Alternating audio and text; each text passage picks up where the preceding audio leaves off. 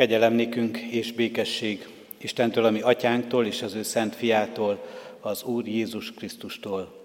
Amen. Foglaljunk helyet testvérek és úrvacsorára előkészítő műmánati Isten tiszteleti sorozatunknak utolsó estéjén a 40. Zsoltárunkat énekeljük, ahogyan minden este. A 40. Zsoltárunknak az első négy verszakát. Az első vers így kezdődik, várván vártam a felséges urat, s íme hozzám fordul a Mario.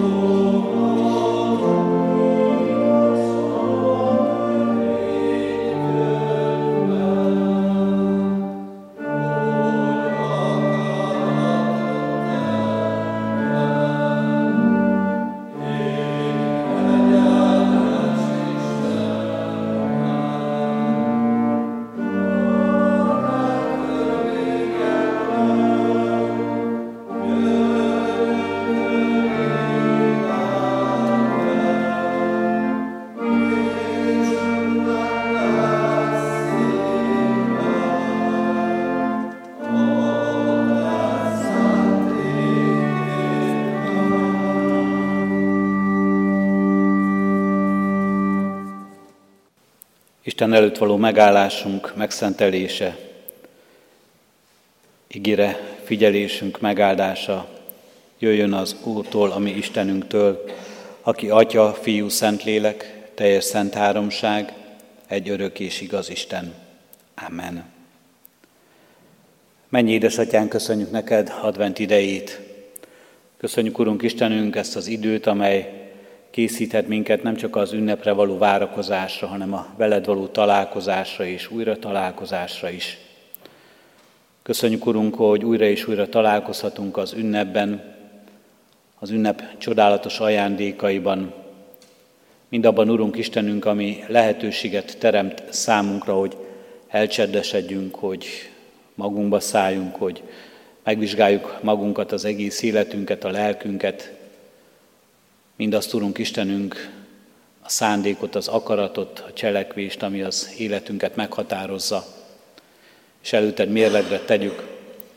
Köszönjük, Urunk Istenünk, hogy ebben az ünnepben úgy is találkozhatunk veled, mint a minket szerető mennyei atyával, aki elküldted egyszülött fiadat, hogy könyörülő, irgalmas szeretetedet benne megmutasd, hogy alászállj ebbe a világba, Urunk Istenünk, hogy megteremtsd annak a lehetőségét, hogy veled találkozzunk. Áldunk ezekért a lehetőségekért, az erre való készülésért. És köszönjük, Urunk Istenünk, hogy úgy is élhetjük meg ezt az advent idejét, mint akik visszavárhatunk téged. Téged, aki megjelensz majd a felőkön igazsággal és kegyelemmel. Urunk Istenünk, ha igazságodba tekintünk, megrettenünk, ha nem látjuk a kegyelmet. És olyan jó nekünk tudni, Urunk, hogy Te a kegyelmed is magaddal hozod, sőt megmutatod, sőt abban jelensz meg a Te fiadban, Krisztusban. Jól látnunk, Urunk Istenünk, a kegyelmet, és ugyanakkor jól tudnunk azt, hogy Te egy igazságos Úr vagy, aki jó és rossz között különbséget teszel. Adorunk, hogy beletekintessünk most ebbe az igazságba, amikor az úrvacsorára készülünk. Jó és rossz között tudjunk úgy különbséget tenni, ahogyan te látod jónak vagy rossznak az életünk egyes dolgait, ahogyan látod gondolatainkat, vágyainkat, érzéseinket, ahogyan hallod szavainkat, ahogyan látod cselekedeteinket, ahogyan szomorkodsz a mulasztásaink miatt. Urunk Istenünk, amikor odaállunk eléd, akkor ad, hogy mi is így láthassuk ezt. Őszinte bűnbánattal tudjunk megállni előtted, és elkérni a kegyelmet, az irgalmat, és elkérni, Urunk Istenünk, újjáteremtő akaratodat és szándékodat, hogy megújulhasson az életünk. Köszönjük, hogy így készülhetünk erre az ünnepre, ezzel a várakozással, az erre való vágyakozással, és ezzel való közösséggel. Krisztusért készíts erre minket most. Amen. Isten igét olvasom Lukács evangéliumának második részéből, a 36., 37. és 38. versekből. Lukács evangéliumának második részéből, a 36. verstől eképpen szól és tanít minket az ige. Volt ott egy profétanő is, Anna Fánuel lánya, Áser törzséből. Nagyon előre haladott korú volt, csak hét évig élt férjével hajadonkora után, és már 84 éve özvegyasszony volt. Nem távozott el a templomból, mert bőjtöléssel és imádkozással szolgált éjjel és nappal. Abban az órában ő is odaállt, hálát adott az Istennek, és beszélt róla, tudnulik Jézusról, mindazoknak, akik várták Jeruzsálem megváltását. Eddig az írott ige. Kedves testvérek, egy három esti sorozatban vagyunk most az úrvacsorára és az ünnepre való készülésben együtt. Ennek a sorozatnak a címe, hogy akik várták Jézust. Az első este Máriáról volt szó, az ő történetén keresztül tekintettünk bele, hogy mit jelentett Máriának Jézust várni, és mit, jelentett, mit jelenthet nekünk ma az ő történetén keresztül a Jézusra való várakozás. A tegnapi este Simeon volt előttünk, az ő személyén keresztül láttuk mindezt, és ma Anna, ez a nő története van előttünk, aki itt ebben a három versben szerepel Lukács evangéliumában. Anna, ez a proféta nő, Három verset ír róla Lukács evangéliuma, de ez nagyon sok információt tartalmaz, és nagyon sok mindent megtudhatunk ezekből a szavakból, ebből a körülírásból, ahogyan őt bemutatja nekünk az evangélista. Anna, az ő neve azt jelenti, hogy kegyelem és könyörületesség. Nagyon szép név, gyakori is, ma is nagyon kedvelt név. Sokan talán hordozzák ezt a nevet első vagy második kereszt nevükként. Sok Annát ismerünk körülöttünk, jusson mindig eszünkbe. Kegyelem, ezt jelenti ez a név. Amikor egy Annával találkozunk, jó talán erre is gondolni, lehet, hogy nem mindig a kegyelem és a könyörület jut róluk eszünkbe, de jusson eszünkbe ez is. Fánuel leánya volt ő, ezt olvassuk róla. Fánuel, nem tudunk róla semmit, hogy ki volt az ő édesapja. A nevének a jelentése az, hogy Isten arca. Isten arca, ez az édesapa neve, nevének jelentése. Isten arca megszüli vagy nemzi a kegyelmet. Ott van a kegyelem előttünk Annában, az ő gyermekében. A kegyelem megmutatkozik az Isten arcán keresztül. Fánuel lány, aki Áser törzséből származott. Nem tudjuk miért volt ez fontos az evangélistának megjegyezni Áser törzsét, ha csak azért nem, hogy ez nem egy híres törzs volt, nem a kiemelkedő, nem a top, nem az elit volt Izrael népe között. Áser törzse, Áser Zilpának volt a Zilpának a leszármazottai, aki le a szolgáló lánya volt, és így szült gyermeket, Ásert. Így lett ezenek a törzsnek az ősatja. Nem feleségtől, hanem egy szolgáló lánytól született gyermek leszármazottai ők. Egy szolgáló lánynak, a gyermekeinek leszármazottai. Talán ez is érdekes lesz, az egész egyéniségben megjelenhet ez is, amit Annáról olvasunk itt. Azt olvasjuk továbbá róla, hogy igen idős volt, 84 esztendeje élt özvegyen, és csak 7 évig volt férnél. Hosszú, hosszú özvegység jellemezte az ő idejét, hosszú-hosszú egyedül lét, hosszú évtizedek abban a sorsban, amikor már nem az volt az ő életének a fő szolgálata, hogy emberekről, hogy másokról gondoskodjon, hogy a családtagjéről, a férjéről, vagy gyermekekről gondoskodjon, hanem igazából azt is mondhatnánk, talán magával törődhetett volna. Magáról kellett gondoskodnia. És mit látunk ennek az asszonynak, ennek az idős asszonynak az életében, hogy ebben a hosszú időben ő valóban gondoskodott, de leginkább a lelkéről, és a lelkére gondolt. A templomban volt éjjel és nappal. A templomban szolgált éjjel és nappal. Bőjtölve és imádkozva és szolgálattal várta, hogy megérkezzen a messiás, hogy megérkezzen az, akit Isten elrendelt. Az egész élete valójában egy Isten keresés volt. Az egész élete arról szólt, hogy kereste az Úristent, hogy vele találkozzon, hogy amikor az Istenre rátalált az életében, akkor őt szolgálja, akkor az ő közelében legyen. És fontos volt számára a fizikai közelség, hogy a templomban legyen, hogy ott legyen, ahol azt érezte, hogy itt fizikálisan is nagyon közel vagyok az Istenhez. Fontos volt számára, hogy lélekben is közel kerüljön az Istenhez, hogy felkészítse magát ezekre a találkozásokra. Böjtölt és imádkozott, lelkileg készítette magát, hogy az Isten közelében élve az Istennel találkozzon. Profita nőnek nevezi az evangélista talán minden olyan külsőséget, minden olyan lelki jellemzőt igyekszik is felsorolni, amiről azt gondoljuk, hogy igen, hát ha valaki az Isten profétája és az Isten proféta nője lesz, akkor így kell élnie. Egészen az Isten közelében. Egészen az Istennek ajánlva magát. Semmi mással nem törődni és nem foglalkozni, semmi más kötöttségben nem részt venni, mindent levetni magáról, minden más kötöttséget. És bőtöléssel és imádkozással az Isten szolgálatára szánni az egész életét. Így látjuk Annát, ezt a profétanőt egész életén keresztül. Szinte az egész élete erről szól. Mondhatnánk talán azt is, hogy várakozásról, bár lehet, hogy ezt ő, nem, ő, ő ezt így, nem így élte meg.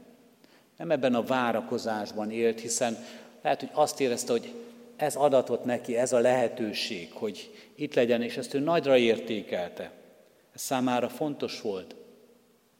De mégis az Úristen valahogy ezt az egész hosszú életet megkoronázza egy találkozással, amire lehet, hogy ő már egyáltalán nem számított.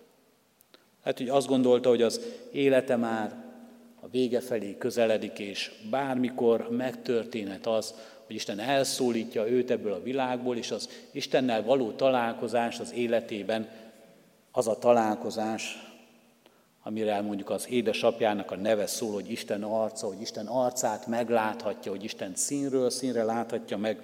Ez az ő életében majd úgy valósul meg, és úgy történik meg, mit is gondolhat 80 fölött ez az idős nő. Isten elszólítja ebből a világból, meghal, és majd úgy kerül az Isten elé, és így találkozik az Istennel. Készült. Készült erre bőjtöléssel, imádkozással, és amíg az Úristen adott neki erőt, szolgált éjjel és nappal a templomban. És ezt a hosszú életutat, ezt az odaszánt életet, azt, hogy ő valóban ezt komolyan vette, a bőjtölést, az imádságot és a szolgálatokat, az Úristen megkoronázza, megjutalmazza már itt ebben a földi világban, az Anna életében, mert találkozik Krisztussal, amikor Jézust elviszik a templomba, nyolc napos korában, hogy ott körülmetéljék, és ott találkozik Simeonnal, és találkozik vele Simeon, és így találkozhat vele itt Anna is ebben a felolvasott igerészben. Egy csodálatos ajándék az Úristennek, hogy már itt, a földi életében találkozhat a megszületett messiással, találkozhat az Isten fiával. Szép ajándék, csodálatos ajándék, csodálatos karácsonyi ajándék, annak kimarad a betlehemi történetből, ahol ott vannak a pásztorok, ahol ott vannak az angyalok, ahol ott vannak a bölcsek, de nem marad ki mégsem ebből a történetből, ebből a személyes találkozásból. Nem tudjuk, hogy később mi lesz vele, meddig él még, nagy valószínűséggel már, amikor Jézus elkezdi az ő szolgálatát 30 éves kora körül, akkor Anna már elköszön valóban ebből a földi világból, de mégis megtörténik ez a találkozás itt, e földi világban. Kedves testvérek, szép ez az történet és szép ez az üzenet nekünk, akik Krisztust várjuk.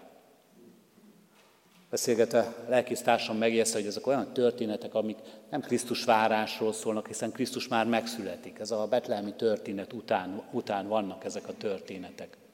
Már nem várták, hát hogy várták Krisztust, de a találkozásban mégis ott látjuk őket, hogy várakoznak. És ezek a történetek arról is szólnak, hogy mi hogyan várjuk Krisztust, hogyan várjuk vissza Krisztust, hogyan várjuk a vele való találkozást, és Isten mit készít el nekünk ebben. És nem tudhatjuk. Nem tudhatjuk, hogy az Isten elkészíti el nekünk azt, hogy még itt, e földi világban, földi szemeinkkel is, elmúlásunk előtt, a e földi világból való elköszönésünk előtt megadja el nekünk a lehetőséget, meglep-e minket az Úristen, megkoronázza az életünket azzal, hogy testi szemeink is megláthatják őt. Vagy majd elszólítva ebből a világból állunk az ő színe elé, és színről színre látva őt is, látva kapcsolódunk majd be abba a mennyei Isten tiszteletbe, ahol láthatjuk őt, a bárányt, az Isten fiát. Anna története, Anna, Anna csodálatos ajándéka az élet történetének végén. Arról is szól nekünk, hogy Isten látja a mi életünket, a mi kegyességünket, látja az odaszánt életünket, a bőtölést, az imádkozást, a szolgálatot éjjel-nappal az Isten házában, a vágyakozást a szívünkben, hogy a közelében akarunk lenni, hogy vele legyünk, Isten valamilyen módon ajándékot ad, és jutalmat készít erre. És Isten azt mondja, a legnagyobb jutalom a fiával való találkozás, a kegyelemmel való találkozás, a szabadítóval való találkozás, a Krisztussal való találkozás. Legyen nekünk előíze minden karácsony, minden karácsony ünnepe ennek. Karácsony ünnepének minden emlékezése az első karácsonyi történetre, az első adventi beteljesülésre, amikor megérkezik a messiás. Legyen karácsony ünnepe nekünk mindig előíze ennek, az örömében, a boldogságában, mindaz, amit adhat a földi örömökön és boldogságon túl, a találkozásokon, a vacsorákon, az ajándékon, a szépen feldíszített környezeten túl, az Isten ajándékozzon meg minket ezzel. Ezzel a találkozással, lélek szerint, a Krisztussal való találkozással. És kérdezzem meg minket most Anna története, ami várakozásunkról és vágyakozásunkról. Hogyan várakozunk és hogyan vágyakozunk? Ez a hosszú életet élt, akkori mérték szerint különösen hosszú életet élt, idős próféta nő ott a templomban, amely szinte már-már otthonává vált, bőtölésben, imádkozásban és szolgálatban, az Istennek szentelt életben élt, és így várt, és így koronázta meg Isten az ő életét ezzel az ajándékkal. Eszembe jutott ennek a gyülekezetnek sok idős nőtagja, sok testvérünk, akik itt vannak közöttünk. Egyrészt statisztikailag azt mondhatnánk, a református gyülekezeteink nagy többségében sok-sok idős asszonytestvér él. És talán szomorúan valljuk meg, hogy kevés a fiatal. De hogy ez a sok-sok statisztikailag idős nőtestvér, aki itt él egy-egy gyülekezetben, számomra konkrét nevek jutnak eszembe, akik, akik itt vannak, akiknek az élete hasonló bizonysággal szolgál, akik sok imádsággal szolgálnak közöttünk az imádság erejével nagy erőt hoznak be ennek a gyülekezetnek az életébe. Akik valóban éjjel és nappal azon vannak, hogy szolgáljanak a diakóniai szolgálatban, a szeretetben, akik ott vannak a kézi munkakörben, ott vannak a nőszövetségben, akik ott vannak a rászorulók segítségében, akik ellátogatnak a tanodába, akik odaállnak a betegek mellé. Ha nem tudnak elmenni, akkor imádságukban hordozzák őket, akiktől mindig lehet kérni azt, hogy segítsenek és mozdulnak és segítenek. Itt vannak élő annák és élő példák előttünk, akiknek az élet példáját követhetjük, követhetjük mi is. És azt is mondhatjuk, nem kell ehhez 80 év fölötti idős nőnek lenni, proféta nővé válni, annává válni, hogy az mi életünkben is ott legyen ez a várakozás, ez a vágyakozás, hogy az életünkben ott legyen, hogy imádsággal, bőtöléssel, szolgálattal, az Isten közelében való, az Istennel való járásban keressük az ő akaratát, és akarjuk betölteni ezt. És az Isten nem csak az idős asszonytestvéreket, nem csak az Annákat, hanem mindannyiunk életét meg tudja koronázni és meg tudja ajándékozni azzal, hogy találkozzunk a megszületett messiással, hogy találkozzunk a Krisztussal, hogy találkozzunk az ő egyszülött fiával, és nem csak az ünnepben, de mindenkor. És még egy fontos dolog, amit Annáról meg kell jegyeznünk, ahogyan az ő szolgálata e találkozás után tovább él. Nem úgy történik ez, hogy megtörténik ez a találkozás, és Annának úgy érzi, hogy mindene megadatott ebben az életben, és kész, és vége a történetnek, hanem az ő története, az folytatódik. Odaállt, hálát adott az Istennek, és beszélt róla, Jézus Krisztusról mindazoknak, akik várták Jeruzsálem megváltását. A találkozás után kezdődik el az ő igazi nagy szolgálata. A találkozás után kezdődik el valami új, amihez, amire készült talán eddig azt mondhatnánk, amelyre készítette bőtölés és imádkozás és eddigi szolgálat. A találkozás után valami új szolgálat kezdődik ennek az idős asszonynak az életében. Beszélt Jézusról mindazoknak, akik várták Jeruzsálem megváltását, hogy itt van a megváltó, hogy megszületett Jézus Krisztus, hogy nem hiába való a várakozás, nem hiába való a bőtölés, nem hiába való az elmondott imádság, és nem a semmibe száll, hanem az Úristen válaszol arra, válaszol egy hosszú életút megkoronázásában, válaszol egy találkozásban, válaszol a szolgálatba állításban, és Anna megy és beszél mindazoknak, akik várták Jeruzsálem megváltását. Ez az ünnep erősítse meg minket ebben is, amelyre készülünk. A találkozás után, a találkozásban találjuk meg a szolgálatunkat, találjuk meg azt, hogy hol és hogyan, szavakkal, cselekedeteinkkel, egész életünkkel, hogyan hirdethetjük a Krisztust mindazoknak, akik várják a megváltást. Mindazoknak, akiknek nagy szükségük van arra, hogy az életüket az Úristen megváltsa és kiváltsa, nagy nyomorúságból, nagy adósságokból, amelyekkel adósnak érezzük magunkat egymás vagy Isten iránt. Nagy terhek levételével, amelyek összeroskasztanak minket. Emberi kapcsolatainkban, a saját magunkkal való szembenézésben, és mindenek előtt az Istennel való kapcsolatunkban. Beszéljük el, hirdessük, amit hirdet ez az ünnep, hogy itt van a szabadítás, itt van az Isten szabadító irgalma és kegyelme, aki megvált minket, Jézus Krisztus.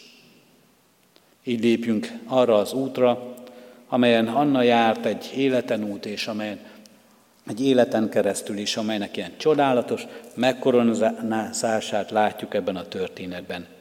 Így legyünk mi is így jelen a vágyakozásban, a várakozásban, az Istennel való találkozásra.